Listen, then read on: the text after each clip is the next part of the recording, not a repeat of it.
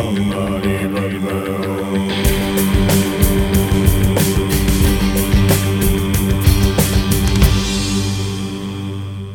mini wykładzie Zazdrość na osi czasu opowiadałem o badaniach nad zazdrością konstruktywną i destruktywną oraz o sposobach na ich zamianę. Tym razem spróbujemy się przyjrzeć technice radzenia sobie z zazdrością w zupełnie inny, ale jakże skuteczny sposób. Oczywiście nie chodzi tutaj o zazdrość o kogoś, partnerkę, męża, kochanka czy żonę. Idzie o tę zazdrość, do której bardzo nie chcemy się przyznawać. Uczucie, które powstaje w nas, kiedy widzimy tych, którzy w jakiejś przestrzeni mają się lepiej od nas, mają więcej pieniędzy, zajmują wyższe stanowisko, mają większe powodzenie u innych, czy w ogóle wiodą życie, którego nam nie dane jest doświadczać. I mimo, że nie chcemy się przyznać ani przed światem, ani też przed samymi sobą do takiej zazdrości, to gości ona w naszym emocjonalnym systemie nader często, a w jej efekcie pojawia się cała kaskada pogarszających nam samopoczucie emocji, jak przygnębienie, żal, rozczarowanie, smutek czy nawet poczucie odrzucenia. Tym bardziej, że przecież jesteśmy zarzucani przez reklamowo-medialny rynek wizerunkami osób w różnych aspektach lepszych od nas. Hamburgery w reklamie wcinają piękni młodzi ludzie o wysportowanych sylwetkach. A ty wiesz doskonale, że wystarczy tydzień hamburgerowego szaleństwa, żebyś wyglądał jak efekt romansu czołgu z balonem.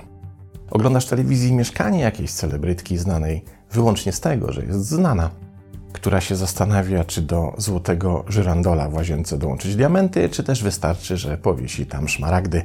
I rozglądasz się po swoim mieszkaniu z wyrzutem: Mój dobry Boże, przecież ona ma kibel tak wielki jak całe moje mieszkanie. Widzisz na fejsie miejscowego Jolo, niedbale opartego o terenówkę za milion monet z kołami jak u traktora, po czym patrzysz na swoje Passerati w gazie i odkrywasz, że taki on śliczny, że aż ci się płakać chce. Generalnie rzecz ujmując, przekaz medialno-reklamowo-internetowy w poskromieniu tego dołującego uczucia nam nie pomaga. Zaś im więcej celebry i świecidełek wokół, im więcej informacji o sukcesie czy dobrobycie innych, tym trudniej zachować godność.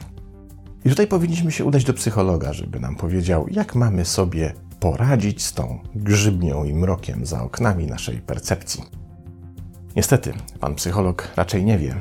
I to nie z jego winy. Nie wie, bo jest reprezentantem nauki, która, jeśli przyjąć za jej początek powstanie pierwszego formalnego laboratorium psychologii na Uniwersytecie w Lipsku w 1879 roku, ma dopiero 141 lat. Więc w porównaniu z innymi naukami psychologia to naburmuszony bobas, siedzący w piaskownicy, grzebiący w niej łopatką, który co znajdzie zabawkę, to się nią przez chwilę jara, pod warunkiem, że zabawka jest nowa i błyszcząca. Wprawdzie tą zabawką jest w stanie rozweselić zebraną wokół gawieć, ale tak naprawdę niewiele za jej pomocą jest w stanie naprawić. Na szczęście ten zacisk w dołku na widok innych, których uznajemy za w czymkolwiek od nas lepszych, czy bogatszych lub bardziej sprytnych, towarzyszy ludzkości od jej zarania, kiedy wielu nauk nie było nawet jeszcze w planach. A ponieważ dawne cywilizacje wcale nie były głupsze od nas, w wielu ich annałach można znaleźć ciekawe i często bardzo skuteczne narzędzia rozwiązywania naszych problemów. Wystarczy je obrać z niepotrzebnej, moim zdaniem, religijno-światopoglądowej skórki i możemy się nimi posłużyć do na przykład właśnie zapanowania nad naszą zazdrością. W tym celu tym razem zajrzymy do Tybetu, gdzie grubo ponad tysiąc lat temu pojawił się niejaki Atisa, bengalski mistrz medytacji. Atisa zaś przybył do Tybetu na zaproszenie miejscowych mnichów, którzy widzieli w nim utalentowanego nauczyciela. Jednak tutaj pojawił się problem. Atisa bowiem zajmował się pracą nad ćwiczeniami umysłu, do czego było mu potrzebne środowisko generujące dużo negatywnych emocji. A już wówczas Tybet słynął z tego, że jego mieszkańcy byli bardzo mili i przyjaźnie nastawieni. Legenda głosi, że Atisa wybrnął z tej sytuacji, zabierając ze sobą zgryźliwego bengalskiego służącego, który wiecznie go krytykował i wnerwiał. W ten oto sposób mistrz, nienękany już przez zbyt miłe środowisko, mógł się oddać swoim badaniom. W ich efekcie powstała praktyka treningu umysłu zwana lojong, która później została spopularyzowana, opisana i szeroko komentowana przez wielu innych mistrzów i nauczycieli. Podstawa Lojong składa się z kilkudziesięciu fraz rozszerzających świadomość, wśród których możemy wyczytać takie jak na przykład traktuj wszystko jak sen, bądź wdzięczny wszystkim, a kiedy coś pójdzie nie tak, to potraktuj tę katastrofę jako sposób na przebudzenie. Jednak co dla nas najciekawsze, Lojong oprócz wielu innych technik proponuje również tak zwaną praktykę wymiany, którą możemy wykorzystać do pracy z własną zazdrością, potrzebą porównywania się z innymi, czy też odnoszenia swojego miejsca w życiu do tego, co osiągnęli inni. Praktyka ta składa się z trzech ćwiczeń, do których wyłącznie będzie Ci potrzebna Twoja własna wyobraźnia. Zanim je zaczniesz, musisz dokonać wyboru obszaru, z którym chcesz pracować. Czy to kwestie stanu posiadania, inni mają więcej ode mnie, czemu ja nie mam, pozycji, inni zdobyli wyższą pozycję, są ważniejsi, bardziej cenieni niż ja, czy popularności. Ktoś jest znany, ma rzesze fanów, followersów, budzi większe zainteresowanie niż ja. Nie ma znaczenia, jaki to będzie obszar, więc nie musisz ograniczać się do tych trzech wymienionych wyżej. Znaczenie ma jedynie to, by był to obszar, w którym porównujesz się z innymi.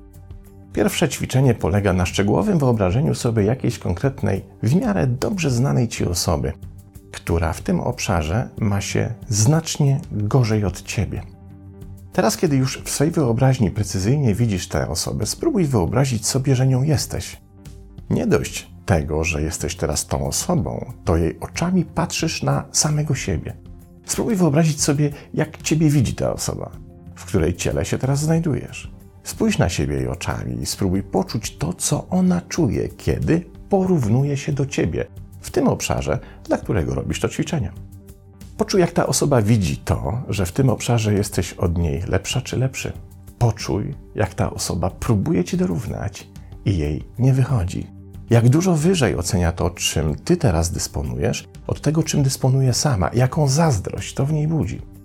Jak nie chce sama przed sobą się do tej zazdrości przyznać, ale jednocześnie jak uświadomiwszy sobie to, że w tym obszarze masz się lepiej od niej, ona sama traci dobre samopoczucie. Jesteś teraz w ciele tej osoby i patrząc na siebie, czujesz się bezradny i zniechęcony. Czujesz, jak ci się odechciewa, kiedy widzisz te wszystkie twoje wysiłki idące na marne, a ktoś taki jak ty, kiedy na siebie patrzysz jej oczyma, ma się lepiej. Jak irytująca i bezsilna to obserwacja. Poczuj wcielając się w tę osobę całą paletę tych uczuć, które w niej powstają, gdy patrzy na ciebie a następnie pobądź chwilę w tym stanie, w pełni świadomy czy świadoma tego, jakie uczucia się w tej sytuacji pojawiły. Pora na drugie ćwiczenie. Teraz wyobraź sobie osobę, która jest dokładnie na tym samym poziomie w obszarze, który wybrałeś czy wybrałaś do pracy. Kogoś konkretnego, kogo znasz, kto dysponuje tym samym talentem, stanem posiadania, tym samym intelektem, pracowitością i atrakcyjnością.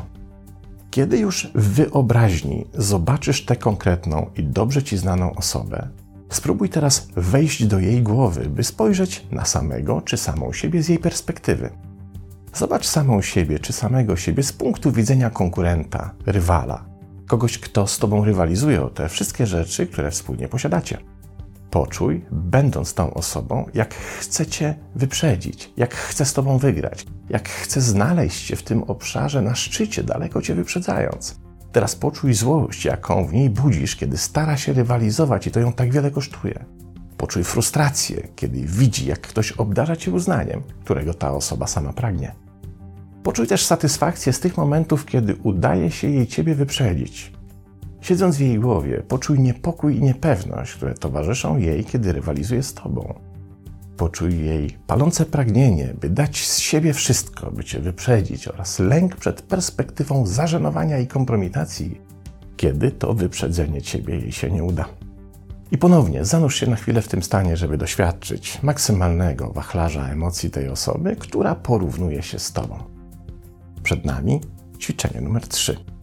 Teraz przywołaj wyobraźni kogoś konkretnego, kogo nieźle znasz, kto w wybranym przez ciebie obszarze jest o wiele lepszy od ciebie. Ma tego, czego pragniesz wielokrotnie więcej. Kogoś, z kogo perspektywy ty tak naprawdę niewiele znaczysz. Teraz wejdź do głowy tego kogoś wyobraźni i spróbuj poczuć to, co czuje ta osoba, kiedy widzi ciebie. Poczuj mieszankę pogardy i litości. Poczuj, jak z perspektywy tej osoby bawi ją to, że ty w ogóle usiłujesz się z nią porównywać. Poczuj też jej smutek wynikający z tego, że mimo tak małych efektów, jakie osiągasz, wciąż usiłujesz wejść na jej pułap. Będąc tą osobą, spójrz na Twoje starania i zobacz, jak w jej oczach żałosny się stajesz, kiedy świętujesz te zwycięstwa, po które tej osobie nie chciałoby się nawet schylić. Teraz poczuj niepokój wynikający z tego, że będąc tą osobą martwisz się o to, że szczęśliwa passa może się skończyć. Poczuj przerażenie, że będąc tak wysoko, można szybko spaść do takiego poziomu, na którym ty teraz jesteś. Poczuj, jak stresuje ją utrzymywanie szczytowego wizerunku, by zgadzał się on z obrazem innym, wytworzonym w ich głowach o tobie, czyli o tej osobie, w której głowie właśnie jesteś. Poczuj, że to sprawia, że nigdy nie czujesz się w pełni swobodnie, bo wciąż jesteś obiektem porównań, zazdrości i obserwacji takich osób jak ty. Teraz, kiedy doświadczasz wszystkich tych uczuć osoby z dużo wyższego poziomu niż twój, pobądź chwilę w tym stanie. A teraz, kiedy wszystkie trzy ćwiczenia są już za tobą, sprawdź, czy w twoim dotychczasowym koncepcie porównywania się z innymi i czasem pojawiającej się w efekcie tego mechanizmu zazdrości coś się nie zmieniło. Czy czasem tych troje ludzi, osoba daleko pod tobą, ta na twoim poziomie i osoba o niebo wyżej, nie stali się nagle dużo bardziej podobni do ciebie?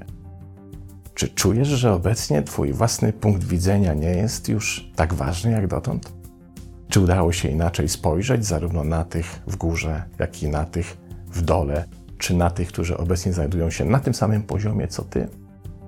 Autorem uwspółcześnionej wersji tej praktyki opartej o zasady tybetańskiej praktyki Loyong jest dr Nicolas Bomarito, adiunkt na Wydziale Filozofii Uniwersytetu Simona Frasera w Vancouver w Kanadzie, który zajmuje się badaniami nad teorią etyczną, psychologią moralną i filozofią buddyjską. Autor książki Jasne Widzenie. Wielce odświeżające ćwiczenie, prawda? Pozdrawiam.